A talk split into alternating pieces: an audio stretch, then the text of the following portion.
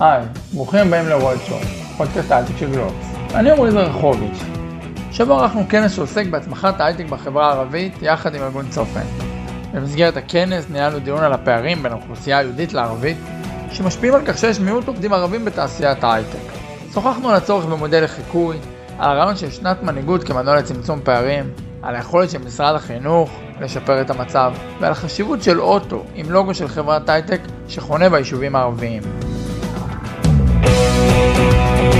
Roadshow, שיחות עם אנשים שעושים את ההייטק הישראלי, בהנחיית עמרי זרחוביץ'. היי, בוקר טוב. שם ותפקיד כדי שיהיה לנו פוקוס. אני מוהנא פארס, מנהל אגף תוכניות לאומיות במשרד החינוך. אחמד מואסי, מנהל תחום חברה ערבית בקרן אדמונד רוטשילד. אהלן, אני בועז, מנהל את אמדוקס נצרת. רויטל דואק, מנכ"לית משותפת בצופן.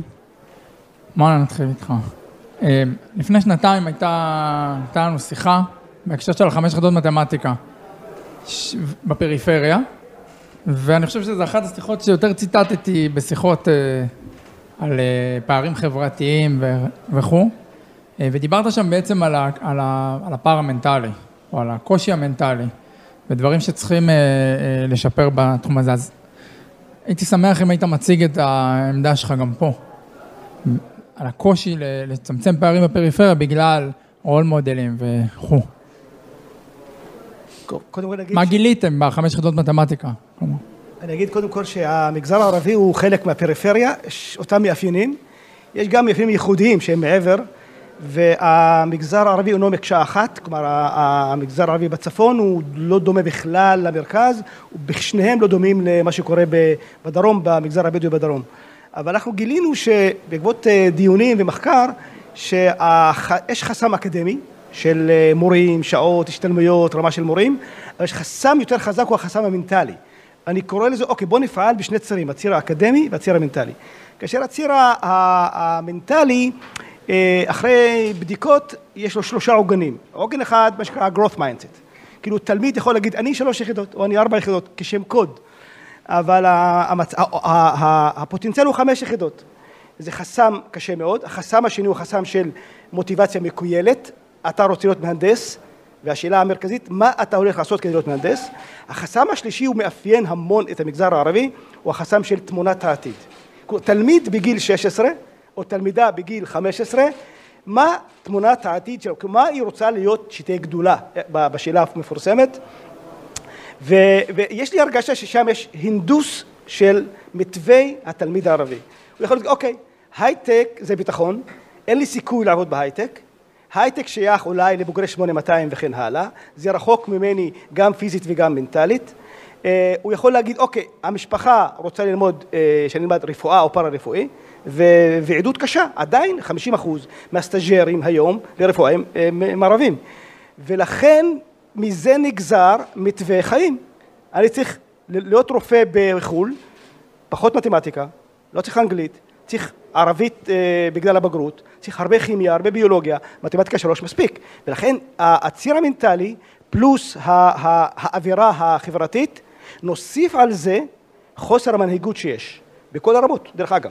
גם ברמה של הרשויות המקומיות וגם ברמה של מנהלי בתי ספר. כלומר, אין היום שיח של מצוינות.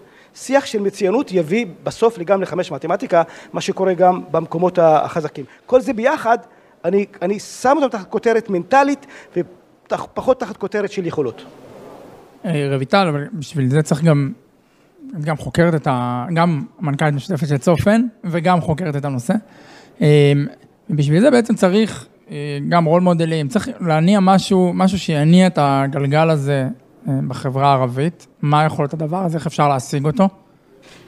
אז בעצם הכל מתחיל ונגמר בחשיפה ובהנגשה. בעצם מה שאנחנו מנסים לעשות זה כמה שיותר לחשוף נערים, נערות למקצועות ההייטק. לייצר דרך זה גם את ה role modeling, גם לייצר את תפיסת העתיד כמו שמוהנא הזכיר.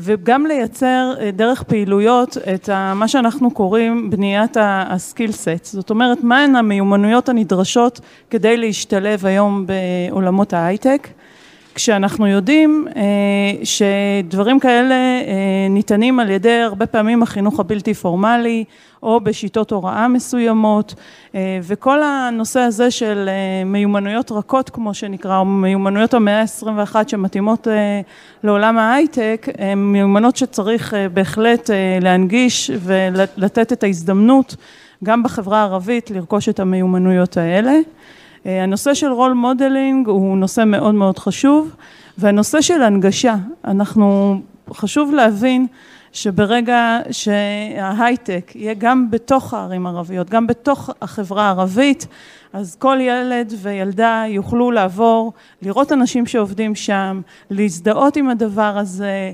לחלום על הדבר הזה, והנושא הפיזי של לבוא ולראות את הדבר הזה קורה ולא לראות אותו כמשהו מאוד מאוד מופשט בדמיון, הוא נושא שהוא מאוד מאוד מאוד חשוב. בועז, אתם בעצם, אתה מנהל את אמדוקס בנצרת. אתם שומעים על החשיפה הזאת? זאת אומרת, יש בסוף שלט של אמדוקס בנצרת וזה גורם לצעירים יותר לראות, להבין, לשאול אולי?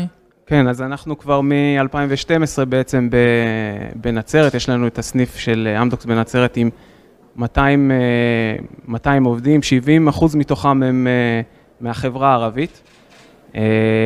ועצם הנוכחות שלנו, עצם הלוגו שמופיע על הבניין, הרכבים שלנו, בעצם הנוכחות שלנו בנצרת מאפשרת לנו להיחשף לכל אזור הגליל ואפילו מעבר לכך, הרכבים עם הלוגו של אמדוקס שנכנסים לכל היישובים והכפרים, הם אלה לדעתי שנותנים בעצם את, את תמונת העתיד שמואנה מדבר עליה ובעצם בכך עוזרים לילדים הצעירים לחשוב שהם יכולים להיות לא רק רופאים, לא רק עורכי דין, אלא גם חלק מתעשיית ההייטק. אתם שומעים מעובדים שמגיעים אליכם, שזה גרם להם? בוודאי, קודם כל, עובדים, עובדים מביאים עובדים, סוף סוף חבר מביא חבר, ולא רק מ-8200, אלא גם מהאוכלוסייה הערבית.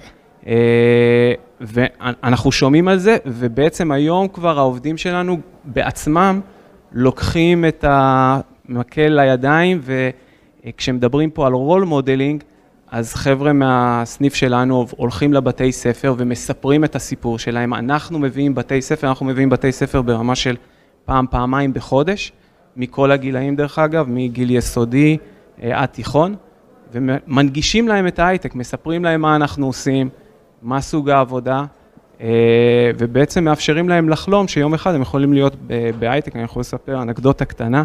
שקשורה למה שמואנה אמר, הגיעו חבורה של ילד, בנות מבית ספר בכיתה י' ואנחנו, והם עברו שעה איתנו עם מישהו מהמהנדס שסיפר להם את הסיפור ומה צריך לעשות ואחרי שהוא סיים, המורות רצו אליו וכעסו עליו. הם כעסו עליו כי בעצם כל הבנות הלכו למורות ואמרו עכשיו אנחנו רוצות ללכת לחמש יחידות מתמטיקה והמגמות כבר נקבעו. אמרו, אתה עושה לנו בלאגן. אז, אז כשהוא בא אליי וסיפר לי את זה, אמרתי לו, אוקיי, אז אתה הצלחת במשימה שלך, אני לא יודע איך המורות התמודדו עם זה, אבל אתה הצלחת במשימה שלך. הנה, סירת נזיפה. אולי זה חלק באמת מהבעיה. חלק מהבעיה שהבתי ספר, בהמשך למה שאמר מהנה, גם לא מעודדות את, הסטודנט, את הצעירים לגשת לארבע וחמש יחידות. כי זה מוריד, יכול, יכול להיות שזה יוריד להם גם את הממוצע, יכול להוריד להם את אחוז הזכאות בבגרות, אז מעדיפים, אוקיי, לך תעשה שתי, שתי יחידות, שלוש יחידות, העיקר שנסמן וי שיש לנו אחוז זכאות בגרות X, אחוז וזהו. וזהו. אז אני חושב שזה חלק מהבעיה, שגם הבתי ספר, הוא דיבר על מנהיגות, אני חושב שגם המנהיגות שיש בתוך הבתי ספר, היא לא ממש עושה את התפקיד שלה כמו שצריך. זה אגב קורה גם בבתי ספר בחברה היהודית. זה קצת בעיה בשיטה אולי, אוקיי? אבל כשאתה מסתכל על זה, אתה יודע, אנחנו מדברים פה על חשיפה, ואתה מתעסק יותר באקדמיה, ואנשים שכבר הגיעו לאקדמיה, אז איך אתה מסתכל על הפערים שם? אני חושב שהפערים מתחילים ממש מגיל אפס, והם ממשיכים לכל אורך החיים, עד שאולי הבודדים שמצליחים לצמצם את זה בצורה משמעותית. כי אנחנו רואים את זה, שאנחנו עובדים עם סטודנטים שמגיעים אלינו לאקדמיה, דיבר עם הנה על זה שהם לא יודעים תמונת עתיד, אנחנו רואים צעירים שאנחנו צריכים עכשיו בטווח זמן מאוד מאוד קצר לעזור להם לצמצם הרבה פערים של 12 שנות לימודים. אם זה ברמת של השפה העברית, ואם זה אנגלית, ואם זה מיומנויות אה, רכות ועוד הרבה דברים, שאנחנו צריכים לעזור להם, לצמצם אותם בטווח זמן מאוד מאוד קצר, על מנת לעזור להם אחר כך להשתלב באקדמיה. אבל גם כשהם משתלבים באקדמיה, אחר כך גם צריך ללוות אותם בתוך האקדמיה, כי יש פער מאוד מאוד גדול בין הסטודנט הערבי שמגיע מתרבות ומנטליות ומשיטת הוראה שונה לבין הסטודנטים היהודים כמובן גם בגיל והניסיון, אבל אחר כך גם אנחנו ממשיכים איתם, שמסיימים את הלימודים, גם מי שמסיים בלימודים, את הלימודים שלו בהצלחה, לא מובן, מובן מאליו שהוא ישתלב אחר כך בתעסוקה, גם שם צריך ללוות אותם ולעזור להם לצמצם את הפערים.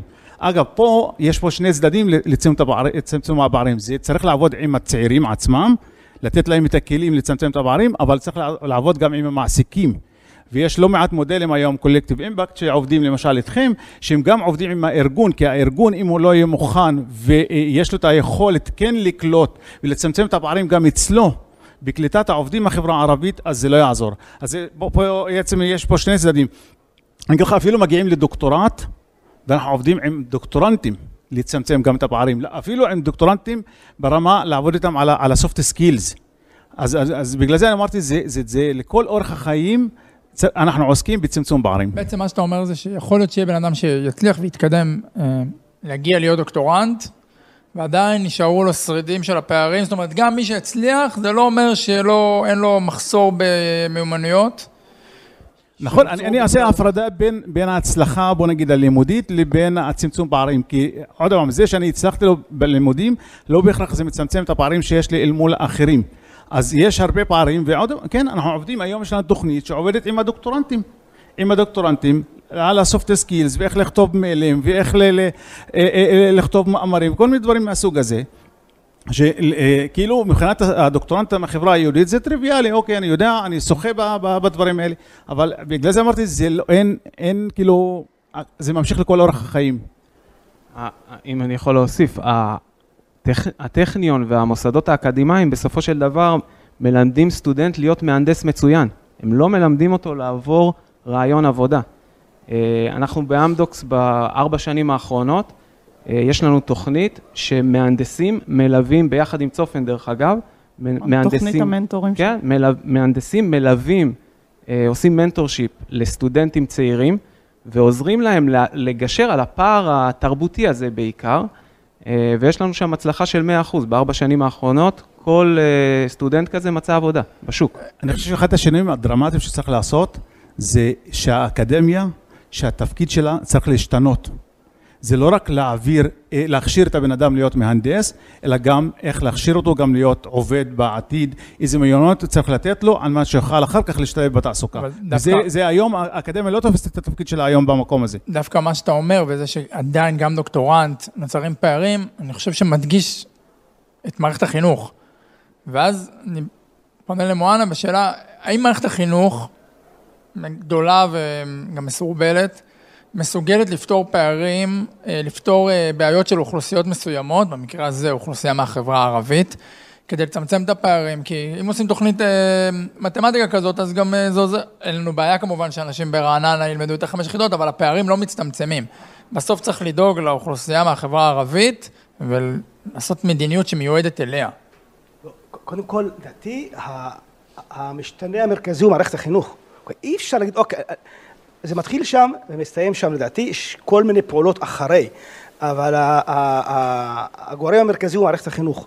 ולראיה, המגזר הערבי עלה מ-7% ל-10% חמש מתמטיקה, אוקיי? עלייה יחסית יפה בארבע שנים, עדיין לא מספיק, עדיין מאוד רחוק מהממוצע הישראלי. יש גם בפיזיקה עלייה, באנגלית עלייה וכן הלאה. יש תוצאות יפות. אבל במידה רבה יש פה שתי מערכות אה, חינוך, זאת אומרת, יש, אם אתה מפריד את ה... אני, אני לא, לא מפריד, יש מקומות גם במגזר היהודי, נניח בדרום ובצפון, אין הבדל, אוקיי? יש פריפריה ויש מרכז, אוקיי?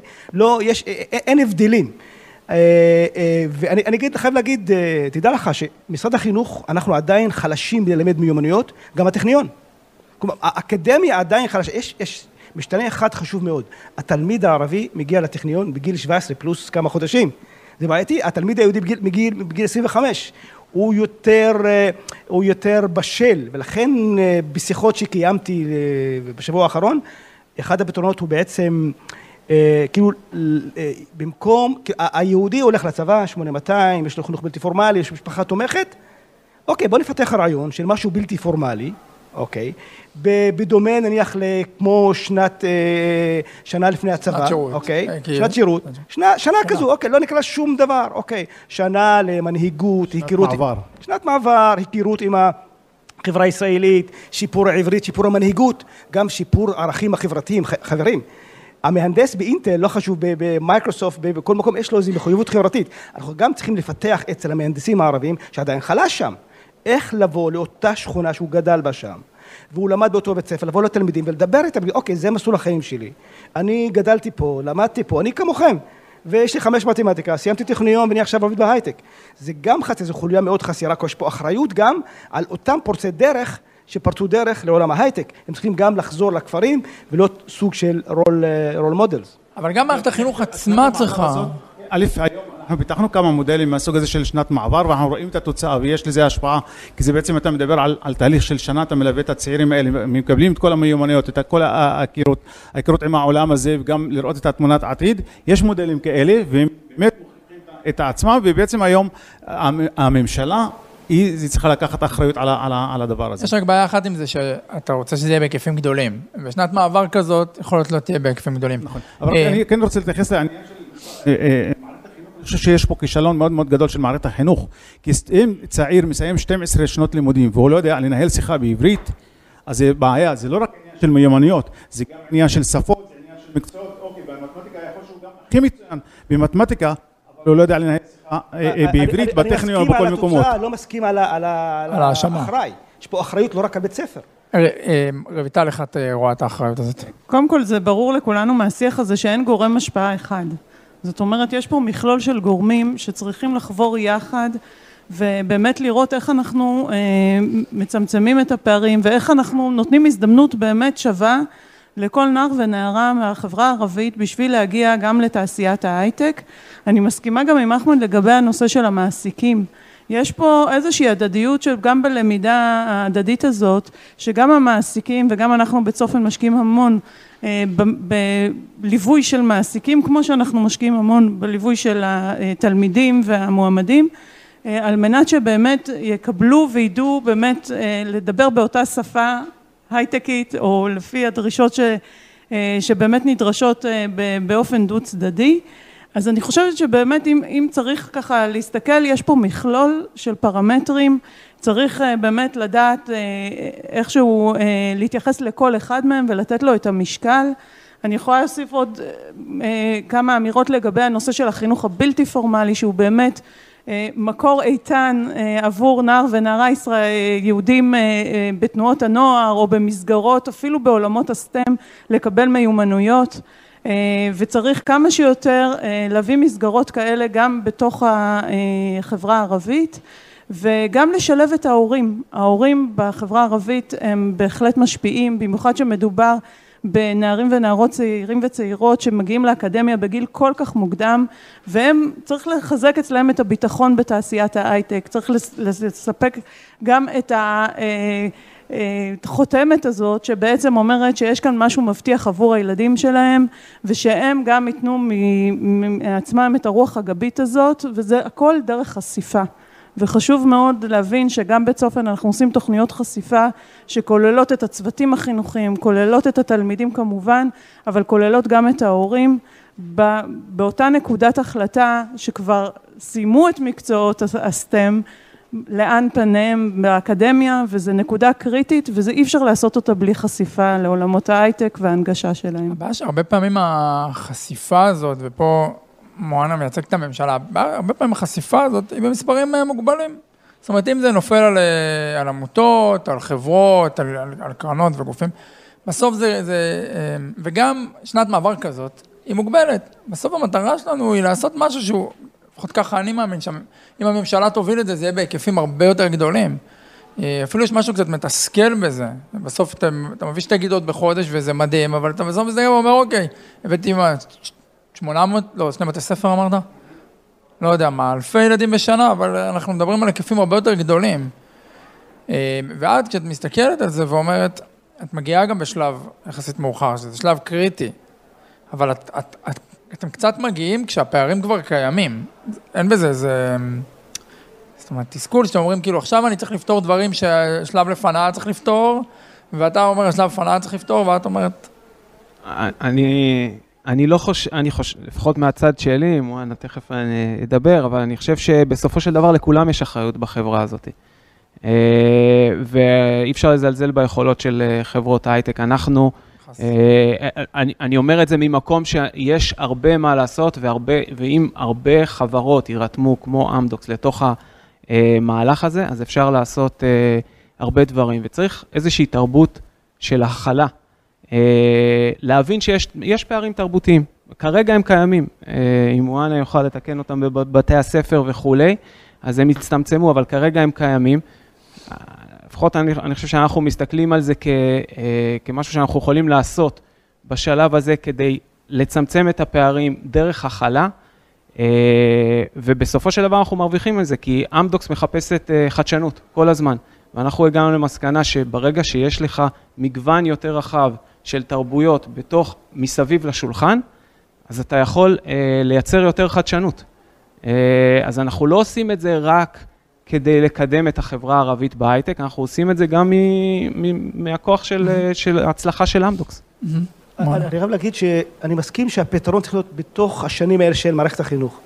וגם במגזר הכללי שאנחנו בודקים, לא הרבה תלמידים משפרים מארבע לחמש אחרי הצבא, נניח במגזר היהודי. ולכן אם, אם זה יהיה משהו משותף בתוך השנים של ז' י"ב, שזה הגברת לימודי מתמטיקה חמש יחידות. אוקיי, עדיין חמש מתמטיקה הוא המנבא החזק ביותר לקבלה להנדסה, הוא עדיין המנבא החזק להצלחה בהנדסה. כאילו, אבל עדיין לא מספיק. צריך חסמים תרבותיים, ולכן אם נביא את ה-role models, את הסיפור של מיומנויות ש, שרויטל דיברה עליהם, הכל בחבילה אחת לתוך הגילים האלה של 12-18, אני חושב משם תבוא הבשורה יותר מאשר אה, אחרי גיל 18, שבודדים בבודדים יפגשו עם איזו עמותה וישתפרו. ולכן המסות צריכים להיות אה, בלימודים אה, בתיכונים ובעל יסודי.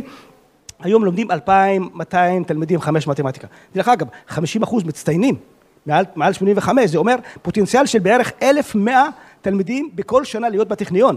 זה, זה לא הולך ברגל.